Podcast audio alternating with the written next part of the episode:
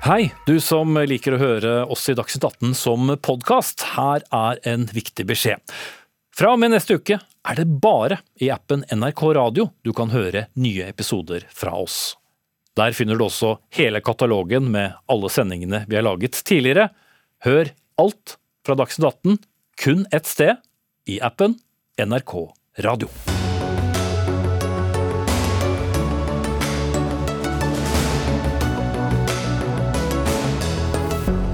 Etter én uke med aksjoner beklager regjeringen overfor Fosen-samene. Likevel varsler aksjonistene opptrapping i morgen. Kvinnehelseutvalget roper varsko og foreslår 1 milliard kroner til kvinnehelse. Det er ikke nok, svarer Sanitetskvinnene. Retteprogrammer i skolen godtar ikke at nynorskbrukere skriver 'eg'. En skandale, sier Norges Mållag. Og forskere i et omstridt forskningsprosjekt om ME møtes med en strøm av innsynsbegjæringer. Belastende og forstyrrende, sier en av forskerne bak, som frykter for den frie forskningen. Vel møtt til Dagsnytt 18 denne torsdagskvelden, der vi også skal innom utslipp i landbruket. Jeg heter Sigrid Solund. Ja, Regjeringen beklager altså overfor Fosen-samene. Det sier statsminister Jonas Gahr Støre, og det sa olje- og energiminister Terje Aasland under og etter et konsultasjonsmøte i ettermiddag. Der deltok han, landbruks- og matminister Sandra Borch og sametingspresident Silje Karine Mutka nå sent i ettermiddag. Aksjonene fortsetter likevel i morgen. Olje- og energiminister Terje Aasland, hva er det helt konkret dere egentlig beklager? Jeg beklager at eh, det konsesjonsvedtaket som ble fatta i 2013 har medført at vi har brutt, eh, altså kommet i en situasjon hvor en kan bryte menneskerettighetene. Og derfor var det viktig for meg i dag eh, og direkte i møte med reindriftsutøverne på Fosen å rette den beklagelsen på vegne av regjeringen og si at vi skal gjøre det vi kan for å så raskt som mulig rette opp dette. sånn at vi ikke er i en situasjon hvor det er noen som helst tvil om at vi ikke eh, følger opp menneskerettighetene på en god måte. Så du beklager ikke noe dere har gjort da, egentlig? Jo, jeg sier at uh, vi, jeg, jeg, sa veldig tydelig at vi beklager at uh, det konsesjonsvedtaket fra 2013 har medført at uh, innebærer brudd på menneskerettighetene. Ja, det var, det, du, du beklager men, det som skjedde men, i 2013? Så har, jeg, så har jeg sagt også at jeg er veldig lei meg for, og uh, beklager at det har tatt lang tid å komme videre i denne saken. Vi har hatt et oppriktig ønske om at vi kunne bli enige, reindriftsnæringa, Sametinget og, og, vindkraft, nei, og, vindkraftverkene, om dette grunnlag for kunnskapsinnhenting. Det har vi ikke blitt, men i dag har jeg hatt veldig nyttig samtale med, med reindriftsutøverne. han sa det veldig tydelig i møtet mitt i dag, eller det møtet vi hadde, at den første avbøtende tiltaket det er å erkjenne reindriftsnæringas kompetanse. Eh, og Det var et godt møte, et sterkt møte og et møte som berørte meg, og som vi kommer til å vektlegge betydningen av i fortsettelsen. Vi skal snakke mer om hva, dere, hva som kan ligge foran dere, men bare et spørsmål som stadig vender tilbake, som folk syns at du ikke svarer på, og som aksjonistene sier nå at de vil fortsette å demonstrere fordi dere ikke vil si at det er pågående menneskerettighetsbrudd. Hvorfor vil du ikke svare på det? Jeg sier veldig tydelig at eh, konsesjonsvedtaket fra 2013 eh, innebærer at eh, vi bryter altså at det er brudd på menneskerettighetene. At vi skal gjøre det vi kan for å oppklare dette og gjøre dette rettmessig igjen så fort som overhodet mulig. Så det er pågående menneskerettighetsbrudd som ja. dere vil prøve å rette opp i? Jeg har sagt at Vår oppgave nå det er å rydde opp i, sikre at ikke vi ikke bryter menneskerettighetene. Komme i en situasjon hvor ikke vi gjør det, sånn at vi håndterer dette på en, på en god måte. Ok, Silje Karina Moska har allerede introdusert sametingspresident. Hva sier du til hvor tydelig tale dette er? Eh, jeg sier at det som Det har jeg sagt hele uka. Jeg mener det at det må en beklagelse til. Eh, det er viktig. Og eh, jeg vet at det har vært et møte i dag, men det er reineierne på Fosen som må vurdere den beklagelsen, om hvorvidt den kan godtas. da. Men det er viktig, og så har vi også denne forståelsen av hva det er slags problemstilling vi har, nemlig at det er snakk om menneskerettsbrudd. Og så tenker jeg det at det er viktig at den beklagelsen beklagelsen fremføres, for det er da på vegne av regjeringa eh, en viktig, viktig ting. men det er rettighetshaverne som, eh, som, eh, lever under det forholdet som, som det her angår, som må, må gjøre vurdering av, av beklagelse. Ja, men da kan vi jo sende den rett videre til deg. da, Terje Haugen, du er reineier og leder i Nordfosen Sida, som altså representerer reindriftsnæringa på Fosen. Hva sier du? Ja, det er jo selvfølgelig svært, og, og er tak, vi er jo takknemlige for at det kommer i, i unnskyldning. Nå har det jo gått eh, rimelig lenge så høyesterettsdommen er fastlagt, eh, eller avsagt. Eh, det var jo den 11. oktober i 21. Så, så tida har jo gått, og det pågår jo, det pågår jo et menneskerettighetsbrudd. for vind, Vindmøllene står jo og går og produserer strøm den dag i dag. Og så syns jo det, eh, det er litt rart at det, det måtte å fylle gatene til ungdommer for at det skulle komme en unnskyldning, da. De kunne ha sagt det til oss. Vil du svare på det, Aasland? Ja, jeg har sagt det direkte, og det var første som hørte det i dag. Det var eh, mitt, i mitt møte med Terje Haugen og de andre reindriftsutøverne på Fosen. og Det var viktig for meg å kunne gjøre det direkte overfor de, som jeg syns var et veldig viktig møte. og Jeg sa veldig tydelig at jeg beklager eh, overfor reinbeitedistriktene på Fosen for at konsesjonsvedtakene innebærer et brudd på menneskerettighetene. Det er ikke noe tvil om hva vi mener med det.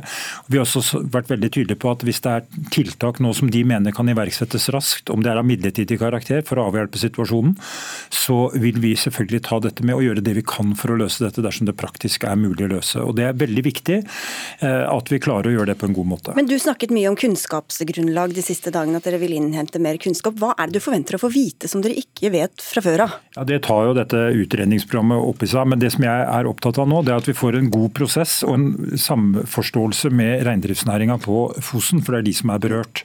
Og Det betyr jo at deres innspill også er viktig i denne sammenhengen. Jeg har bedt om innspill både til hvilken kunnskap Eh, som eventuelt må på plass i forhold til dette.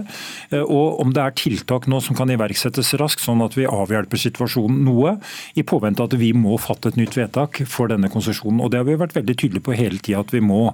Men mener du da at Høyesterett har truffet en dom på et sviktende grunnlag? Altså Nei. at det ikke var godt nok kunnskapsgrunnlag? Nei, det mener jeg på ingen måte. Men vi må altså fatte et nytt vedtak. Og det er viktig at vi da har et oppdatert kunnskapsgrunnlag på det. Det er viktig da å både sette det som ligger i høyesterettsdommen, Eh, i tidligere lagmannsretten, og eh, hva som er gjort i kunnskapsinnhenting tidligere, men også hva som er relevant i forhold til ny kunnskap for å kunne fatte et nytt vedtak på en trygg og god måte, sånn at vi ikke kommer i rettsapparatet igjen. Ja, Haugen, Hva kan dere da komme dem i møte med? Nei, altså Vi forholder oss til en høyesterettsdom eh, der nyest forskning og nyest Eh, utredning eller, jo, utredning er, er, lagt til grunn for at de skulle lage seg sin, eh, sin dom. Og så er det jo sagt i tre eh, retts, rettsrunder at det, Fosen-saken det er ingen sak som har vært bedre utredet enn det. Det er jo motparten sjøl som har sagt. Men de sier jo ikke hva som må skje, hvor mange master som må bort, eller hva som nøyaktig hva som må gjøres. Så hva mener du, hva kan være, hvordan kan dere komme regjeringen i møte da? Hva kan dere Jeg ser for meg vanskeligheter med å, med å, med å starte en ny utredning for å få til noe mer beiter på Fosen. Eh, det er jo, det er jo, det er jo renbeite vi, vi, mangler. Og Da kan en utrede det her herifra til, til, Svalbard. Det blir jo ikke noe mer, det blir jo ikke noe mer reinbeite av det. Så ingen av disse mastene kan bli stående sånn som dere ser det? Eh, sånn som vi ser det, så er det sånn. Og Det er et syn jeg fullt ut eh, respekterer. Men også, vi har også vektlagt i dag at dette med reindriftsfaglig kompetanse er viktig å få med og få godt fram i den utredninga vi skal gjøre. Det er viktig, for det har vært poengtert tydelig at det må eh, veldig sterkt fram. Og Det tar vi selvfølgelig med og tar til etterretning, og kommer til å sette sammen nå en faglig utredning på, det, eller en utredning på dette, hvor dette er godt inkludert. Men Hva slags handlingsrom er det egentlig da for mulige løsninger, som du ser det, Motka? Nei, vi har jo starta en konsultasjon i dag som eh, vi ikke er helt ferdig med. Det omfatter bl.a. denne eh, kunnskapsgrunnlaget, eller det jeg tenker eh, vi må ha for det videre arbeidet. Og For meg er det også viktig å understreke at vi kan ikke gjøre noe uten rettighetshaverne i så henseende. De er jo de sentrale. Det er jo dem som lider under det menneskerettsbruddet som, som skjer. Det er deres fremtid det handler om, og det, det er også det som er er det fremste hensynet som, som vi har fra Sametingets side. Så jeg kan, ikke, jeg kan ikke forhandle deres rettigheter bort i noen som helst prosent. Men, men, hvis det da er sånn Haugen, at dere sier at de må rives, hva er da poenget med samtale? Hva er poenget med å hente inn noe kunnskap eller med denne faglige kompetansen? Ja, så Vi har jo hele tida sagt at det er ingenting mer å utrede. Det eneste som Høyesterett ikke har tatt stilling til, er tilleggsland. Eller ja, tilleggsland. Tilleggsbete. At dere skal få nye områder? Ja, og det finnes jo ikke på Fosen. Hva, hva er, hvilke, altså- hvilke, muligheter finnes da, Aasland? Det, det som Høyesterett uttaler, det er at det er en terskel for når vi kommer i en situasjon hvor vi krenker urfolks rettigheter, altså bryter menneskerettighetene. Hva mener du med terskel, for det sier du ofte Ja, nå? det, med det mener jeg altså hva, hvor, hvor hvor mye, mye, store konsekvenser har det vedtaket som vi har fatta med, med bruddet å gjøre? Er det liksom eh, helt borte muligheter for reindriftsutøvelse, eller er, det, eh, eller er det mindre justeringer? Det som er viktig, det er at vi i hvert fall gjennom den utredningen får virkelig klarhet i hva er det som eventuelt kan iverksettes av tiltak. Jeg sier ikke hva det skal være. Det kan være alt fra å rive vindkraftverket, eh, det kan være å rive noen møller, flere møller, det kan være eh, andre tiltak. Men det som er viktig da, det er at vi får den reindriftsfaglige kompetansen inn også til å vurdere hvilke konsekvenser dette har for reindrifta. Og Da sa Terje det veldig godt i møtet i dag. Det er reindriftseierne sjøl på Fosen som kjenner dette reinbeitedistriktet absolutt best. Men sånn som du leser høyesterettsdom, så kan man da tåle at det blir noen færre reinsdyr, noen færre samer som, som drifter der, f.eks., uten at det da innebærer et menneskerettighetsbrudd? Ja, men samtidig så er det viktig å si at høyesterettsdommen er ikke eh, entydig på det. Der er et handlingsrom, og det handlingsrommet må komme fram gjennom det kunnskapsgrunnlaget vi skal innhente. og Det er viktig og det er viktig at vi gjør det i overensstemmelse og i forståelse med reindriftsnæringa på Fosen. For det er de som kjenner sitt reinbeitedistrikt, det er de som vet hvordan dette best eh, forvaltes i det eh, praktiske og i det daglige. Og den faglige kompetansen de sitter på, den skal også eh, ha betydning her. Nei, Jeg vil bare kommentere akkurat det med den terskelforståelsen av artikkel 27 i denne konvensjonen som vi snakker om. Det er det at hvis noen av reineierne må slutte med reindrifta, da, så er jo menneskerettighetene deres brutt. Sånn det at Hvis én reineier må slutte, da er ja, Hvis man må er, slutte pga. at man har et arealinngrep som det her. Så det er ikke noen terskel da, sånn som dere ser det? Ja, egentlig? terskelen den omfatter vel den totale situasjonen for eh, samene og, og eh, det kulturvernet man har gjennom, eh, gjennom minoritetsvernet man har gjennom denne konvensjonen. Og Vi skal opprettholde reindriftsnæringa i, i, Fosen, men vi skal også gjøre det sånn at vi kan gjøre det med et sånt generasjonsperspektiv som er trygt og forutsigbart. Vi vet at det er også unge mennesker her som er engasjert i den reindriftsnæringa sin framtid. Eh, og Da er det viktig at vi også legger det til grunn i, i, forhold til det vi skal gjøre. Og Da er det viktig å lytte til de som har skoa på når vi skal uh, utrede og få på plass det kunnskapsgrunnlaget vi skal. Og så skal vi ta hensyn til det når vi fatter det endelige vedtaket. Og det var vel en tidligere avtale som har gjort at noen Man må jo ha tenkt at dette kunne la seg gjøre å ha samtidig, så er det ingen avbøtende tiltak det er mulig å se for seg? Altså, Den avtalen eh, som, eh, som det siktes til, det er jo den anleggsavtalen under eh, anleggstida. Og det var vi jo tvunget og bortimot nødvendig å ha, for det, det, var, jo, det, var, det var jo et vanvittig vanvittig anleggsarbeid. Og vi har ikke bare én park, vi har jo seks totalt med den som står pluss Storøya. da. Men alt må bort, sånn som dere ser det? Ja, I hvert fall på, innen Roan. Men eh, Terje Aasland, det er jo flere som er misfornøyd med at det er ditt departement som skal ta ansvar for en situasjon som ditt departement har, har sørget for at man kommer opp i. Hvem er det som avgjør egentlig om løsningen dere kommer fram til er god nok eller ikke? Nei, altså, det, er jo en regjeringsbeslutning som må fatte grunnlaget for et nytt vedtak, selvfølgelig. Og så er det sånn at jeg er veldig tydelig på at vi skal unngå i ettertid rettsprosesser ytterligere. Ja, for det er det eneste som eventuelt kan stoppe hvis man da går rettens vei på ny, da? Så må vi, vi har et ansvar for å oppfylle uh, urfolks rettigheter, ivareta reindrifta på en god måte, forstå hvordan dette utspiller seg i uh, det reinbeitedistriktet vi nå snakker om, legge vekt på den kunnskapen som er der.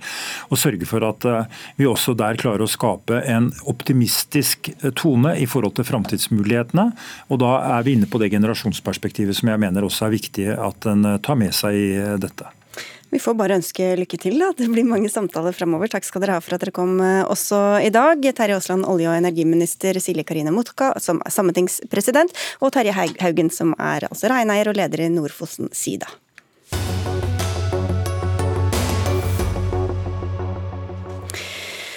75 tiltak som eh, til sammen kommer til å koste 1 milliard kroner. Det er den veldig korte oppsummeringen av konklusjonen fra Kvinnehelseutvalget som eh, ble oppnevnt i 2021, og som leverte rapporten sin i dag. Og som var ledet av deg, Kristine Meyer, du er ellers professor ved Norges handelshøyskole. Hva er de store hovedfunnene deres? Vi har eh, gjort en diagnose av hvorfor kvinnehelse er så lavt prioritert, og vi kommer til fire områder. Det ene er at kvinnehelse har lav status. Det ser vi innenfor forskning. Vi ser det hvordan eh, det finansieres både på eh, spesialisthelsetjenesten og kommunehelsetjenesten. Og vi ser det eh, i måten det prioriteres i tjenestene. Og hvordan kvinner møtes. Og det er det første området. Det andre er at det er en manglende samordning samordning både på toppnivå i departementene, direktoratene. Der er det ikke noen egen enhet som har kvinnehelse som sitt mandat. Eh, og så ser vi også at det er manglende samordning i tjenestene. Og Det betyr jo særlig de som har muskelskjelett, kompliserte, sammensatte lidelser. De blir skadelidende av en sånn manglende samordning. Det tredje det er at kunnskapsbroen den eh, brister på mange steder. Det vil si at selv om vi har kunnskap f.eks. om at eh, kvinner og menns hjertelidelser er veldig forskjellige, så når ikke dette frem. Det undervises ikke i overfor legestudenter. Eh, det når ikke frem til de som skal utøve disse tjenestene og diagnostisere pasientene, og det når ikke frem til de kvinnene som opplever helt andre symptomer enn det menn gjør. Og Det siste det er at eh, det er mange kvinnestemmer, men de blir ikke hørt. Det får ikke gjennomslag, eh, deres stemmer. Det er sikkert mange menn også som føler at de ikke har den beste koordineringen fra helsevesenet. Hva er det man legger i kvinnehelse, egentlig? Ja, Kvinnehelse, det ene er jo at eh, vi er biologisk forskjellige. Menn føder fortsatt ikke barn. Det er jo mulig det skjer i fremtiden, men i hvert fall ikke nå.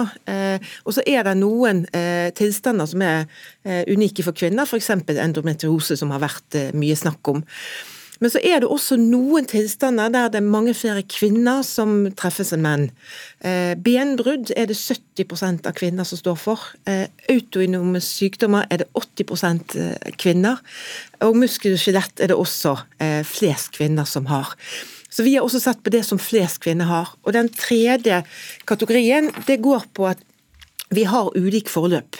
Så annet dette jeg nevnte med hjertet. Eh, kvinner og menn har ulike symptomer, og vi reagerer ulikt på medisiner. Nå skal jo politikerne diskutere hvordan dette skal følges opp, men hvor viktig er det, mener du, at disse tiltakene og alt dette ses på samlet? Det er viktig, for det må gjennomsyre hele helsetjenesten. Og Det som har skjedd før, er jo litt at vi har hatt ett tiltak her og ett tiltak der, og så mister de oppmerksomhet. Dette er et felles ansvar. Eh, det er ikke sånn at kvinner er ansvarlig for kvinnehelse, selv om vi bare er kvinner her i dag. Symptomatisk. Eh, men det er et felles ansvar for kvinner og menn. Og når vi har også en sånn kjønnsdimensjon, så vil det også komme menn til gode. For det er jo også spesifikke lidelser som nesten bare menn. Ingvild Kjerkol, helse- og omsorgsminister. Eh, dere pleier å takke og si nå skal dere lese rapporten eh, spent. Men um, for å ta det overordnede her, vi kom jo ikke inn på tiltakene nesten i det hele tatt. Men mm. en milliard var jo det som ble sagt her til hva var det, 75 tiltak. Hvordan stiller du deg til den paraplyen? Vi bruker 400 milliarder på helsetjenesten i 2023. Eh, og Utvalgslederen var også nøye på at det trengte ikke å være en frisk milliard, så det handler jo om hvordan vi prioriterer ressursene. Eh, jeg syns det er bra at man har noen ambisjoner og forventninger når man legger fram en NOU som er så omfattende som Kvinnehelseutvalget sin. Eh, og så er det en del av tiltakene vi kommer til å, som allerede er i et oppfølgingsspor også. Vi har starta et arbeid for et helhetlig løp for svangerskapsomsorgen, føde og barsel. Det skal vi levere til Stortinget i løpet av 2023. Eh, og så er det viktig at vi nå får en høring, sånn at vi også kan prioritere. at 75 tiltak. Det er bra, eh, og det, de har gått bredt til verks. Og det er også tiltak som går litt utover Helse- og omsorgsdepartementet, sånn at vi trenger også et tverrsektorielt blikk på det her. Og planen til regjeringa er at vi skal legge fram en kvinnehelsestrategi i 2024. Men vi kommer allerede til å følge opp en del ting som er i, i prosess allerede. Det kanskje, gir kanskje ikke så mye mening å snakke om penger når det er sånne størrelser, men Malin Stensundnes, du er generalsekretær i Norske kvinners sanitetsforening. Hva er det mest alvorlige som kommer fram her, sånn som dere ser det? Det viktigste som eh, kommer frem, det er at eh, vi får en dokumentasjon på at kvinner har dårligere helsetilbud i Norge enn det menn har. Eh, og den viser med veldig stor tydelighet at den manglende kjønnsdefineringen innen helsetjenestene, det fører til store eh, forskjeller, rett og slett. Og det er veldig uheldig, fordi og det handler både om systemfeil, som har fått leve i veldig veldig mange år. Det handler om manglende forskning. Eh, det handler om manglende innsats på viktige områder eh, for kvinner. Eh, det kan være endometriose, som har vært mye diskutert i det siste. I Sverige tror jeg man har fem klinikker, i Norge har vi ingen. Når det gjelder vulvalidelser, som er altså svært vanlig, og jeg tror det er viktig å si at sant, de skjevhetene som dokumenteres her, det er ikke sykdommer for de få, det er sykdommer for de mange. Og det manglende kjønnsperspektivet, det fører til mangel, eller det fører til mangel på likeverd i helsetjenesten, ikke likestilling, slik det var intendert. Og i det så ligger et stort ansvar politisk for å rette opp. Eh, og jeg håper jo at eh, vi får en bred politisk debatt rundt dette. Ta med en av de brede her, da, Sandra. Ikke, det var ikke eh, ment sånn som jeg sa det. Representere bredden var riktigere. Sandra Bruflat, du sitter i helse- og omsorgskomiteen for Høyre. Hvis vi går på tiltak, da. Mm. Hva mener dere må gjøres? Ja, altså det er jo veldig mange tiltak som er lagt fram, og dette er jo noe av poenget. ikke sant? Jeg synes noe, noe, av det som er ille å høre, er jo når utvalgslederen sier at eh, det mangler ikke på kvinnestemmer, men de blir ikke hørt i helsetjenestene. Og da, eh, når man både peker på kompetanse og utdanningen av helsepersonell, man peker på samordning, man peker på eh, finansiering av f.eks. føde- og barselomsorg, så er jo dette ganske store strukturelle grep som må gjøres for å få en mer likeverdig helsetjeneste. Og da skulle vi ønske at eh, det kommer en stortingsmelding om kvinnehelse og helse i et kjønnsperspektiv. For Sist gang vi hadde et kvinnehelseutvalg, det var i 1999. Det kom ikke noen stortingsmelding da heller. Og Det er fint med strategier, men vi skulle ønske at det fikk en brei politisk debatt, nettopp fordi at vi må diskutere hva skal vi prioritere, hvor skal pengene gå, hvilke store grep må gjøres. Eh, og det gjøres best hvis vi får en ordentlig svær stortingsmelding på dette, i stedet for at det blir oppstykka. Vi har ikke lovt noen stortingsmelding, men vi skal legge fram en nasjonal helse- og samhandlingsplan hvor eh, svangerskaps-, føde- og barselsomsorgen skal være en, et eget kapittel og et eget særtrykk. Eh, og det tenker jeg er viktig. Vi kan diskutere om det er Norske kvinner og jenter de må få helsehjelp i vår felles helsetjeneste. Eh, sånn at det er jo mulig å ivareta helheten om man ikke legger fram en stortingsmelding også. Hva er forskjellen på å legge fram en plan og legge fram en stortingsmelding, for alle som ikke er helt inne i dette? Det er ganske stor forskjell for de politiske partiene som sitter på Stortinget.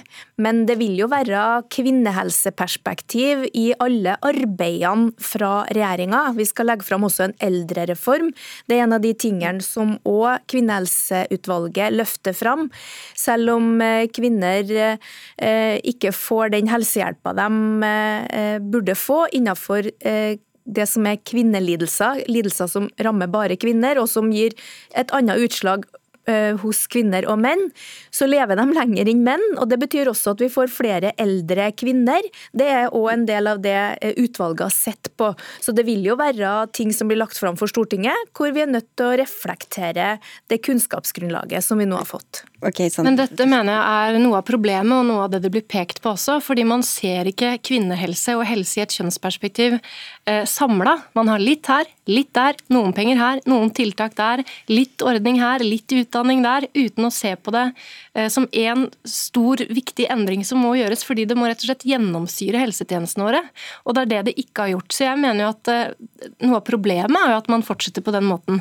Jeg tviler ikke på at det kommer mange gode tiltak eh, i en melding her og en rapport her og en strategi der, men vi må se det i sammenheng, og det er det vi ønsker. og det er derfor vi skulle ønske at det kom en stortingsmelding på det. Du skal, få, skal bare få inn Mali Stensønes også først, for jeg tror dere er helt enige om dette. Ja. Da. Ja. Det Sandra Bruflot er misfornøyd med det at den ikke blir lagt fram for Stortinget. Så det må jo ja, de, vil, de, vil, være med på laget. Ja, Malin Stensønes. Ja, jeg tenker det er viktig. Jeg tenker det er viktig at eh, vi får en bred debatt og en tverrpolitisk debatt rundt kvinnehelse.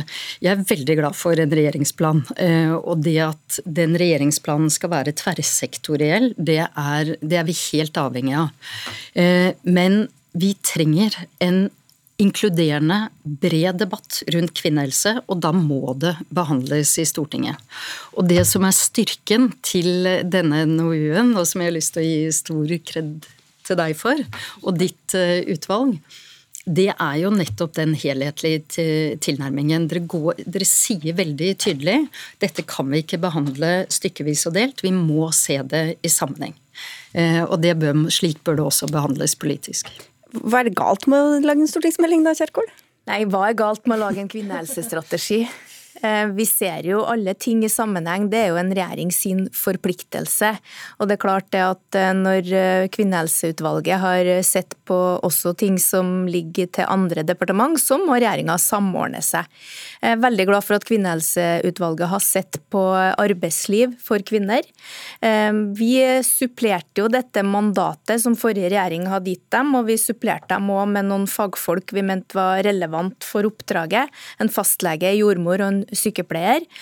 Eh, og det her med belastningslidelser i arbeidslivet er noe som vi ser rammer kvinner annerledes enn menn, og at vi også har eh, ordninger som er bedre, ivaret, eh, bedre ivaretar industriarbeideren enn pleie- og omsorgsarbeideren, som et eksempel. De har også sett på forholdene for våre kvinnelige innsatte i fengsel, så at vi er uansett nødt til å samordne oss og få til en helhetlig tenkning. Mm. Og akkurat om det heter melding eller strategi, tror ikke jeg er avgjørende for det. Veldig kort til dere, altså. Jo, jeg mener det er avgjørende fordi det eh, sier noe om hvem det er som får bidra med inn i den meldingen, og hvilken sammenheng man ser det i. Og Det er jo derfor vi som sitter på Stortinget gjerne skulle sett at den kom til oss, i stedet for at det blir en strategi som regjeringen, okay. en mindretallsregjering, lager. Hva må først på plass da, Stensønes? Nei, jeg tror det som går på det systemiske, eh, det tenker jeg kan igangsettes med en gang. Og det kan iverksettes uten eh, en strategi som skal komme i 2024, for vi har kunnskapen. Det er handlingen vi nå trenger. Og du har virkemidlene, og det har Stortinget også. Så vi har store forventninger. Og dette blir det sikkert mange debatter om. Bare helt til slutt, Kristine Meyer. Altså, dere har funnet mange svakheter, men vet, har dere sammenlignet? Vet vi om det egentlig er noe bedre på mannesida? Eh, ja, det er det jo åpenbart. Fordi at eh, kvinner har jo på en måte vært eh, Menn har jo vært prototypen for kvinner veldig lenge. Og har, det har jo vært svakheten. At vi har behandlet kvinner som små menn. Så det er absolutt sånn. Det er spesielt kvinnehelse som har behov for et løft, men det vil også komme menn til gode. Da var det svaret til alle mennene som sitter og hører og ser på. Takk skal dere ha, i hvert fall alle fire. Kristine Meyer, Ingvild Kjerkol, Malin Stensønes og Sandra Bruflot.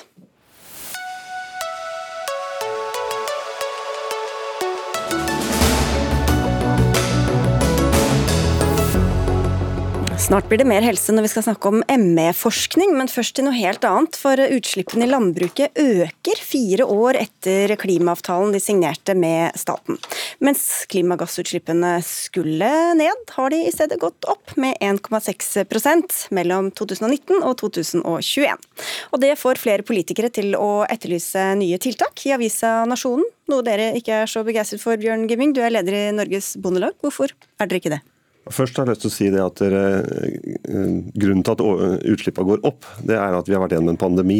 Jeg skulle komme til det, så du kan stole helt på at ja, du skal få forklare det. Nei, for Det er litt viktig å ha med seg bakgrunnen for at utslippene faktisk har gått opp eh, etter at de gjennom en lang lang årrekke har gått ned. Og Det skyldes jo nettopp det at vi har vært gjennom en alvorlig pandemi med stengte grenser. Grensehandelen bortfalt over natta. Eh, og norske bønder har tatt den utfordringen og produsert mer mat eh, i, i en situasjon hvor, eh, hvor, tilgangen var mindre internasjonalt.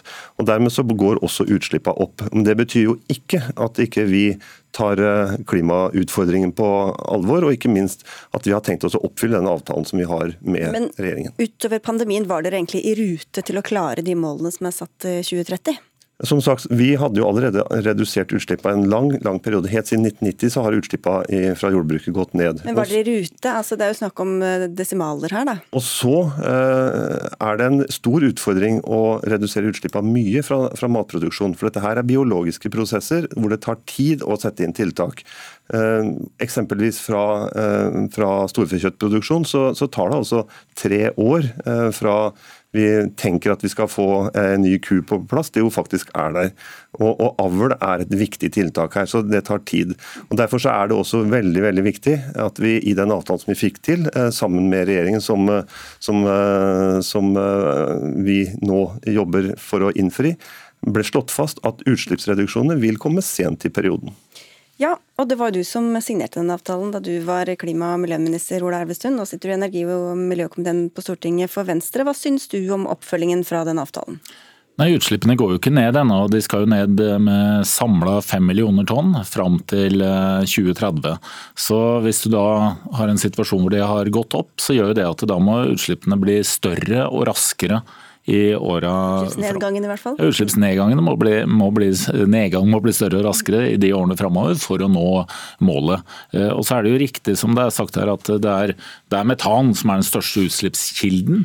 Eh, men denne avtalen den, litt, den gir en fleksibilitet også. at det her sånn vil også kunne telle med det som er eh, utslippskutt i redskap, det som er traktor og også den transporten som er der. Men det er ikke noe tvil om at det her må det sterkere tiltak til for å klare fem millioner tonn, og 5 millioner tonn det er et ambisiøst mål.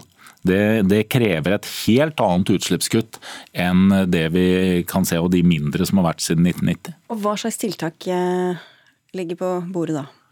Nei, her så må vi jo bruke alle virkemidlene. Eh, jordbruksoppgjøret er ett viktig virkemiddel, sånn at du får en omstilling til mer, mer frukt og, og, grønt. Eh, det er klart at det er et klimatiltak å, å, spise mindre kjøtt, og at man da også tilpasser produksjonen inn i forhold til det.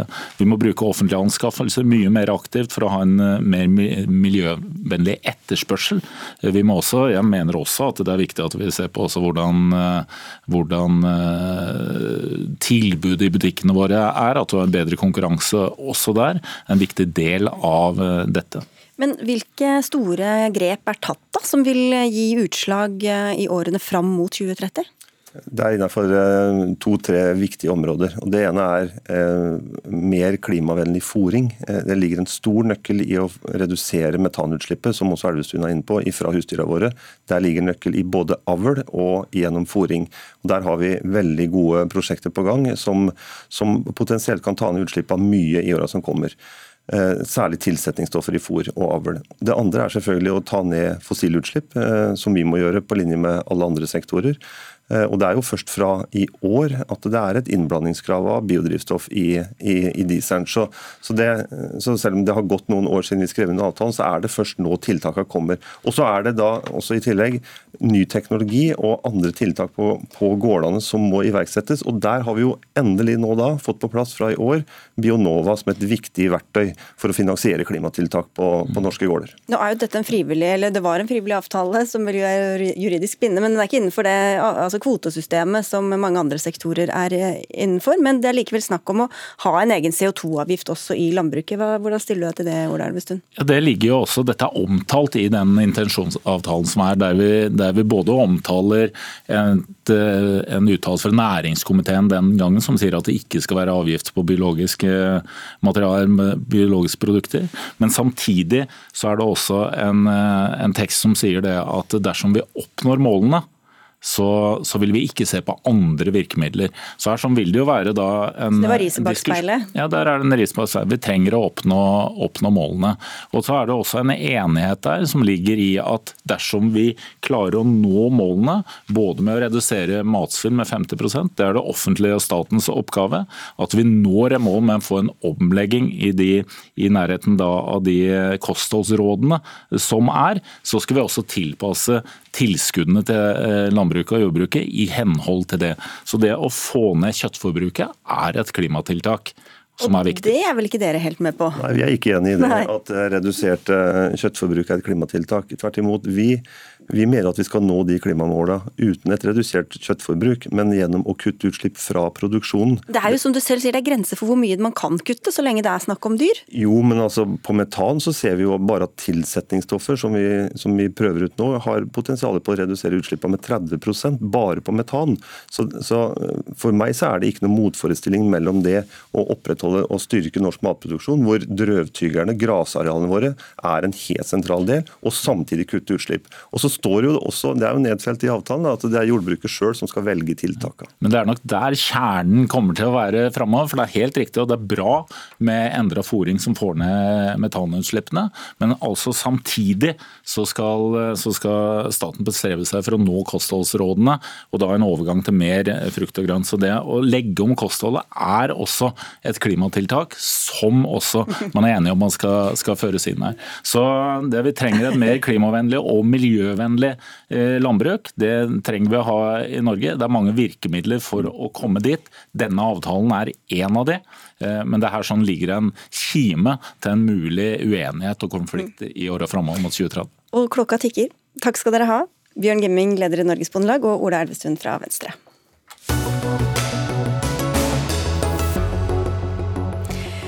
Forskere i en omstridt studie om ME og kurset Lightning Process møtes med en bølge av innsynsbegjæringer.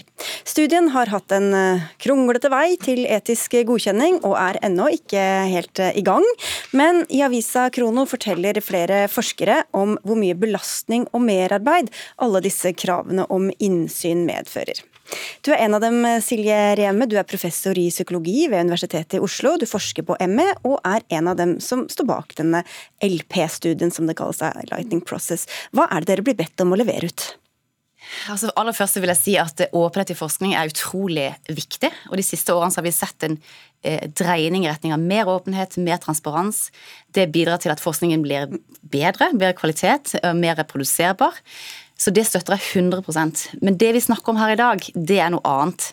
Eh, det er innsynskrav, eh, hvor hvem som helst kan be om hva som helst av intern forskningskommunikasjon mellom oss forskere. Eh, og det er det vanskelig å se nytten av. Men det som er enkelt å se, det er konsekvensene. Det har en stor kostnad i form av tidsbruken det har for oss forskere, apparatet rundt oss forskere. Eh, og i ytterste konsekvens eh, offentlighetens midler. Eh, så nytten og kostnaden her er ikke proporsjonal, og det mener jeg at loven umulig kan ha vært tiltenkt. Hvor mye tid og energi er det som går med til dette, siden det blir så forstyrrende som du beskriver? Det kommer eh, innsynsbegjæringer som er veldig uspesifikke, store, eh, og som krever innsyn i all intern kommunikasjon i alle kanaler, f.eks. e-post, SMS, Messenger osv. Eh, og det er også en forventning om at man skal svare ut dette ganske raskt. Og det er klart at det er krevende i form av tidsrommet det tar å, å, å forberede og, å svare ut dette. Ressurser, eh, både for oss forskere og apparatet rundt forskere.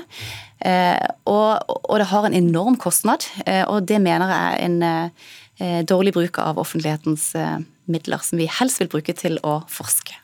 Nina Steinkoff, du er ME-syk, du er samfunnsdebattant og har bloggen ME-livet, og er en av dem som har sendt mange innsynsbegjæringer. Hvorfor mener du at det er, det, at det er nødvendig i dette tilfellet? Eh, først må jeg si at eh, Silje Remme hun forsker ikke på ME. Silje Remme forsker på lightning process, og det er litt av bakteppet her. fordi at lightning process er en alternativ behandling som bl.a. britiske helsemyndigheter advarer spesielt mot å tilby til ME-pasienter. disse innsynsbegjæringene har avdekket en rekke kritikkverdige forhold i prosjektet. Studien er rigget for et positivt resultat. Han er befengt med økonomiske interessekonflikter. Og i søknad om etisk godkjenning så har forskerne unnlatt å opplyse om svært alvorlige mulighet for bivirkninger av denne metoden. Eh, derimot så har de via et helt eget avsnitt hvor de sverter og danner et fiendebilde av pasientgruppen. Eh, jeg kan til dels forstå at forskerne ikke ønsker at disse tingene skal bli kjent. Men når det gjelder arbeidet med å eh, gi innsyn, så stusser jeg litt. For min erfaring med innsynsbegjæringer når jeg har søkt innsyn hos disse etiske komiteene, så er det sekretariatet der som har hatt den praktiske jobben med å sende meg dokumenter. Og jeg har brukt innsynsretten til å søke i innsyn i offentlig tilgjengelige dokumentasjoner. Og når det gjelder vi, vi, vi, bare tar dette litt med Reme, som ble sagt her. fordi Det er jo en omstridt studie som gikk gjennom det Først så fikk den nei, og så fikk den ja med dissens i den nasjonale forskningsetiske komiteen. Hvorfor skal pasienten egentlig stole på at alt går riktig for seg? Altså først vil jeg si at jeg har jobba i dette feltet både som behandler og som forsker i over 10-15 år. Eh, og jeg har møtt mange ME-pasienter som har vært i en fortvila situasjon, eh, og som ønsker hjelp. Eh, og Det er min motivasjon for å gå inn i dette forskningsfeltet, og bidra med den kunnskapen som jeg kan, for å bidra til at vi kan få en større forståelse og, bedre behandling. Og Når det gjelder den omstridte studien og, behandlingen, så, bunner jo det i at det er mange historier om dramatisk tilfriskning. En av de har sittet her i Dagsnytt 18 for en tid tilbake og fortalt sin historie. Vi kan lese om Emilie i avisa som var sengeliggende og hadde sondernæring, og som på kort tid fikk en dramatisk tilfriskning, og som nå er på landslaget skiskyting. Og Disse historiene er det mange av, og de gjør meg som forsker nysgjerrig på hva er dette. Hvis man som forsker ikke blir nysgjerrig på dette, så er man ikke en god forsker, og det er bakgrunnen for denne studien eh, vi har. Vi, vi, skal, vi skal, jo ta det litt overordnet også her, men Steinkoff, hvor mye tid og ressurser mener du forskere skal bruke på å vurdere og svare på innsynsbegjæringer i stedet for å forske? Det, det, har jeg ingen formening om, men denne debatten om innsynskrav, det er en avsporing, mener jeg. Jeg mener at denne studien kommer til å ha negative implikasjoner for ME-pasienter i lang tid framover. Og det er spesielt fordi at Nav skal rekruttere deltakere. Vi vet at ME-pasienter er spesielt sårbare i møte med Nav, hvor det stilles ekstra strenge krav, og det er krav til behandlingsmetoder som kan gjøre pasientene syke. Og Derfor så er det eh, vi er ekstra sårbare i denne studien her. Vi skal ta med deg også, vi har to til som sitter klare her. Benedicte Moltemyr Høgberg, du er professor ved Institutt for offentlig rett ved Universitetet i Oslo, og ledet Åpenhetsutvalget, og har sittet også i en sånn regional forskningsetisk komité i mange år. Kan du forstå at det oppleves slitsomt eh, for forskere å bli møtt med så mange innsynskrav? Jeg kan forstå at det er slitsomt å bli møtt med innsynskrav, eh, og at det er tidkrevende. Noe av utfordringen i, dette, i, i denne saken er at eh, de, eh, dette er en veldig polarisert konflikt, hvor det har vært mye motstand fra ME-syke mot, mot prosjektet. Og når man da går inn og leser det som er forskningsprotokollen eh, til prosjektet, så er det fortsatt veldig vanskelig å få tak på hva det egentlig er dette prosjektet går ut på. Det er ganske ullent. De får tilbud om et tredagerskurs som skal gi en type selvbevissthet, eh, men vi får veldig lite informasjon om dette. og etter Eh, de kravene som helseforskningsloven stiller, så skal man jo kunne gjøre en eh, vurdering ut av forsvarlighet eh, for prosjektet. Det var dissens i, i den nasjonale etiske komiteen da dette ble godkjent. Og det er også da en forutsetning at offentligheten må kunne etterprøve og forstå hva det er disse forskerne ønsker å forske på. Absolutt, helt enig. Og vi er alt ligger åpent ut i, den, i studien. Protokollen ligger åpent, manualen ligger åpent, alt eh, ligger åpent. og Man kan alltid kritisere forskningsdesign, og, og ting kan alltid være gjort bedre. Eh, men vi har fått godkjenning i alle bøyer og kanter. Jeg tror ikke noen studie i, i Norges historie har vært så mye eh, vurdert som akkurat denne studien. Men det vi egentlig diskuterer her, det er jo ikke, det er jo ikke innsyn i offentlig forvaltning, for der, der tjener jo loven sin hensikt. Det vi snakker om her, det er jo innsyn i intern kommunikasjon mellom forskere. Skal kommunikasjon som du og meg har på e-post eller SMS eller på Messenger, skal det være fritt tilgjengelig for hvem som helst å kunne be om når som helst. Og Dette har også relevans utover ME-feltet. ikke sant? Fordi at hvis, hvis en eller annen ikke liker et forskningsprosjekt som du har, Benedikte, så kan den vedkommende bruke dette som en bevisst strategi for å trenere din forskning. Og jeg tenker at Loven kan umulig være tiltenkt for dette.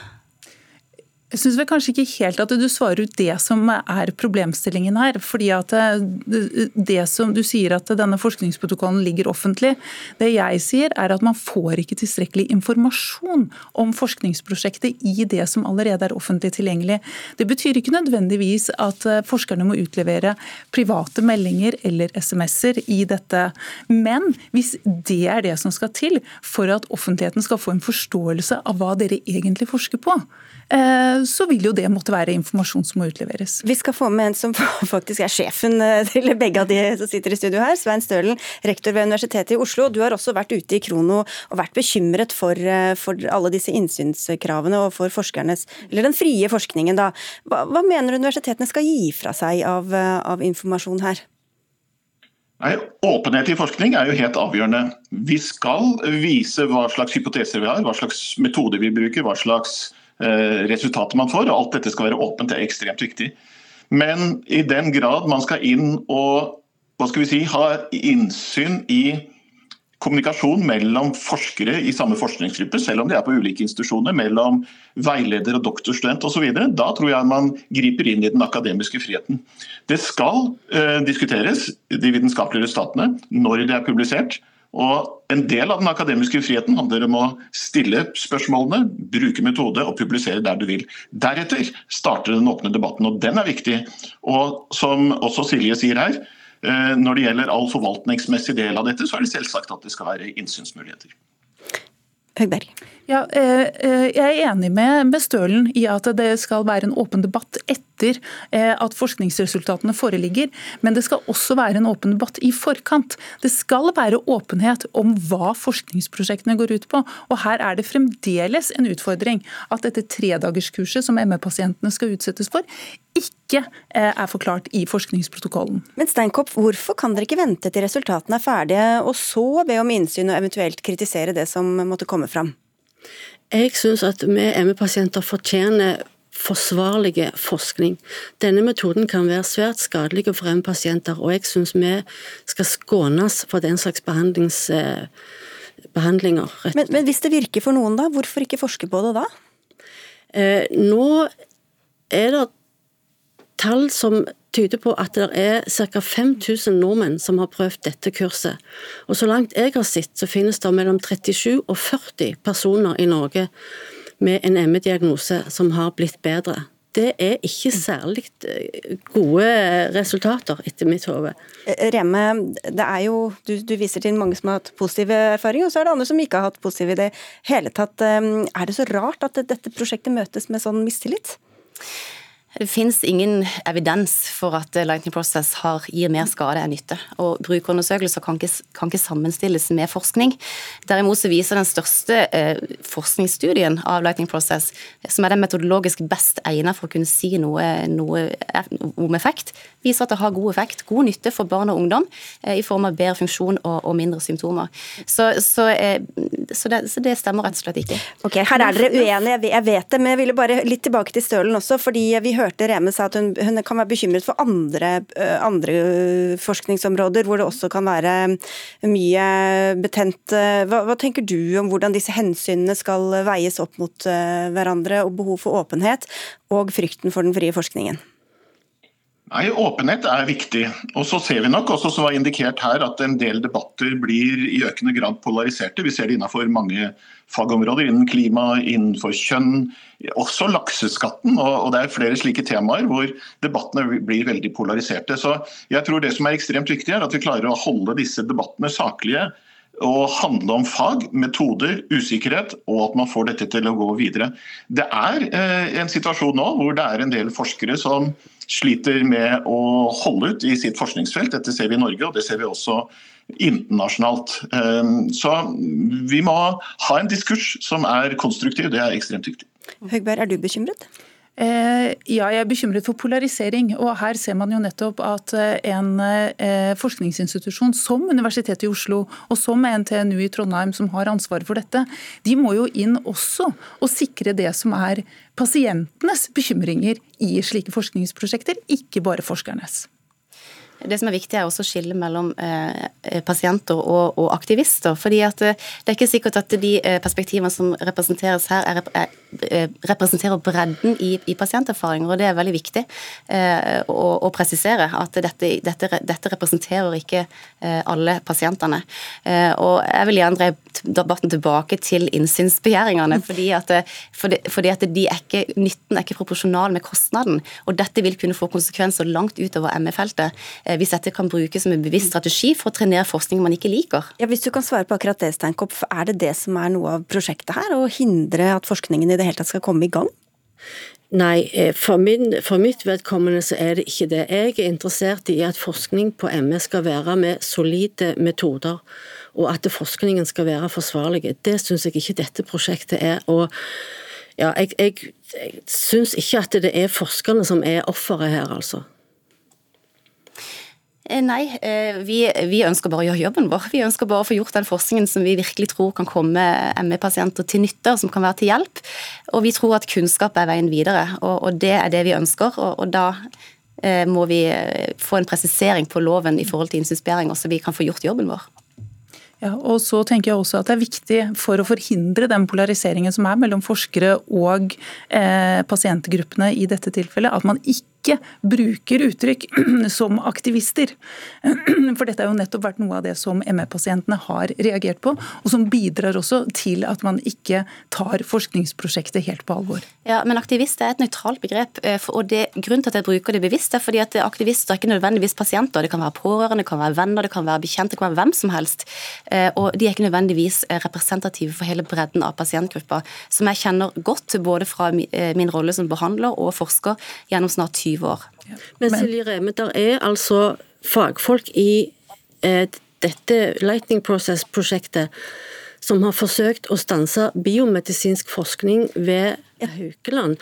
Eh, Ser du på de òg som aktivister, da? Du kan få svare på det, for nå blir vi beveger oss litt eh, utenfor her. Det er ikke det vi snakker om i dag. I dag snakker vi om intern forskningskommunikasjon. og Det du snakker om der, handler mer om forvaltning, Så jeg mener at offentlighetsloven har en hensikt i. Ok, Vi stanser der, og så sier vi tusen takk til dere alle for at dere var med. Både Nina Steinkopp, som også er samfunnsdebattant og med bloggen ME-livet, Benedicte Moltemyr Høgberg, professor ved Institutt for offentlig rett, Cecilie Reme, professor i psykologi, og Svein Stølen, som er rektor ved det universitetet dere begge er ansatt på, nemlig Universitetet Universitetet i Oslo.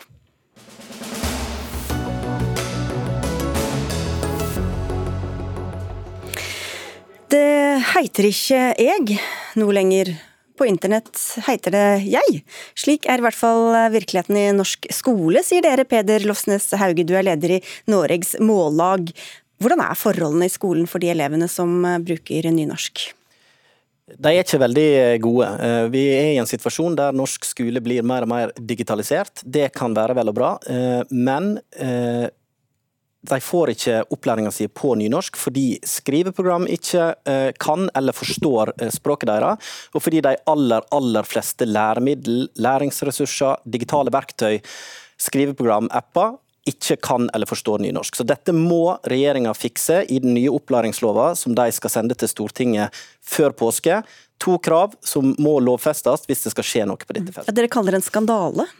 Ja, Det er åpenbart en skandale når det sitter tiåringer og skal lære seg å skrive i et skriveprogram som gir dem røde streker under nynorske ord som de har skrevet rett. Det er klart at Den stavekontrollen blir en språklig autoritet som uh, står over både lærerne og foreldrene, og som rokker rokker ved den språklige selvtilliten og den språklige sjølkjensla til disse elevene.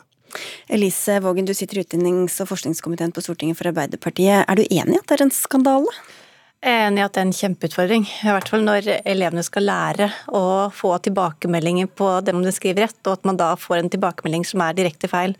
Så dette er jo en av de tilbakemeldingene som Mållaget har vært veldig tydelig med inn mot oss, og inn mot arbeidet som nå gjøres med ny opplæringslov. For det er en realitet at vi har en ganske gammel opplæringslov. Nå har det pågått et stykke arbeid ganske lenge. Det var den forrige regjeringa som satte i gang det arbeidet, og så er det vi nå som får følge opp og følge loven inn i Stortinget. Så før påske så kommer vi frem til å legge frem en ny opplæringslov som bl.a. tar for seg dette. Og hva bør stå i den eh, loven da, Hauge? Der bør det stå at skriveprogram som blir brukt i skolen må kunne eh, og finnes på både bokmål og nynorsk. Punktum. I dag så står det i høringsutkastet som Solberg-regjeringa sendte på høring, at eh, dette gjelder bare så langt som råd er. Men alle som vet eh, litt om hvordan det står til i norsk skole, vet hvor skadelige disse fire ordene dette forbeholdet er. Så langt som råd er, vil de facto eh, slå beina under den retten. Ja, bør det være lovfestet, Vågen? Altså, jeg er opptatt av at nynorske elever skal faktisk ha en nynorsk skolehverdag. Og det at vi tar i bruk de virkemidlene vi har, enten det er gjennom lov eller andre virkemidler for å sikre det, det mener jeg er riktig og det mener jeg er viktig.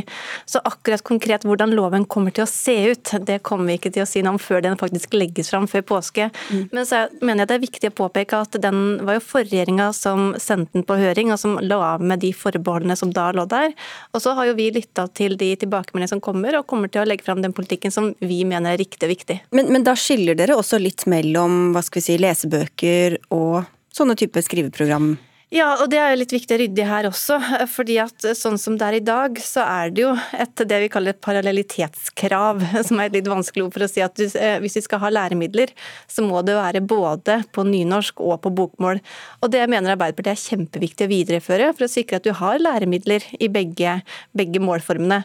Men så har vi jo hatt en utvikling i skolen nå hvor det har blitt mer og mer digitalt, og du har kanskje flere, mer bruk av støtteressurser. tar f.eks. å bruke nettsider, aviser, som gjør gjør at totalen av det kan gjøre at det kan bli mye bokmål inn i en nynorsk skolehverdag. Så det er viktig å sikre at man faktisk får en god balanse i det, men også sikre det at når man tar i bruk digitale læremidler, at man har en bevisst forhold til det, at det også skal gjelde samme krav som de ja, Så det skal de være et parallellitetskrav også når det gjelder sånne type stave- eller skriveprogrammer? Ja, altså Skriveprogrammer er jo noe eget i for seg, eh, men læremidler, enten det er digitale, som da skal brukes til å oppfylle det som står i læreplanen, og som elevene elevene skal, skal, lære. Der ligger det et parallellitetskrav i dag, og det er uaktuelt for Arbeiderpartiet å fjerne.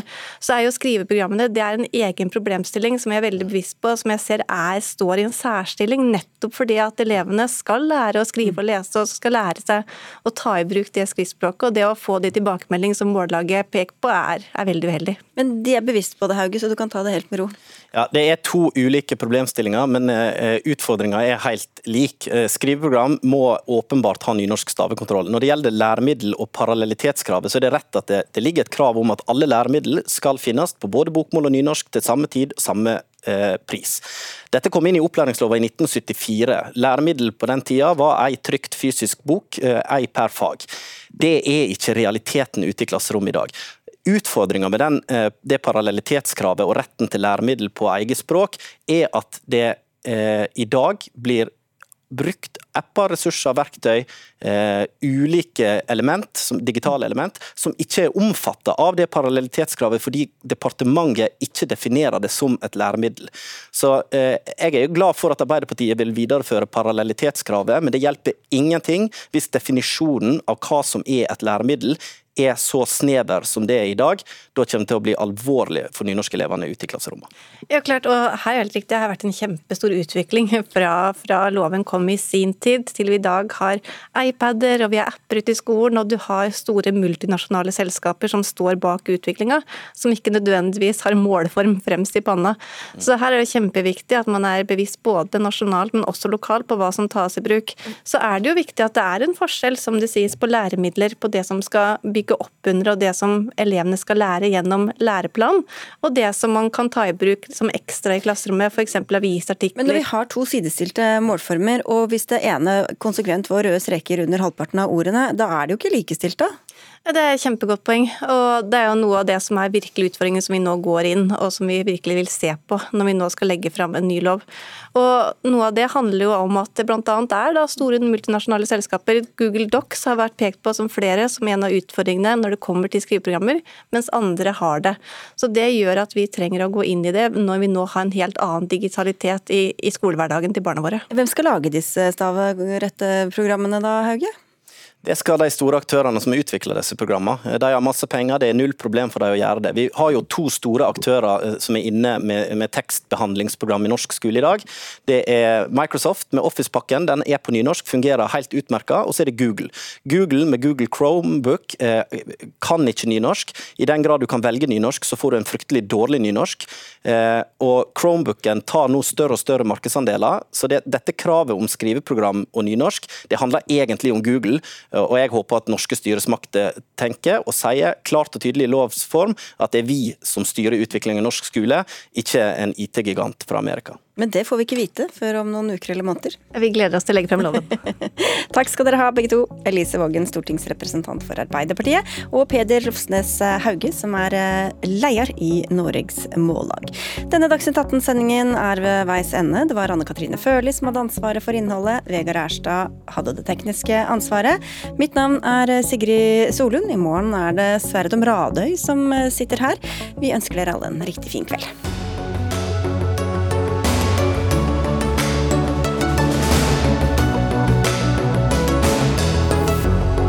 Du har hørt en podkast fra NRK. Hør alle episodene kun i appen NRK Radio.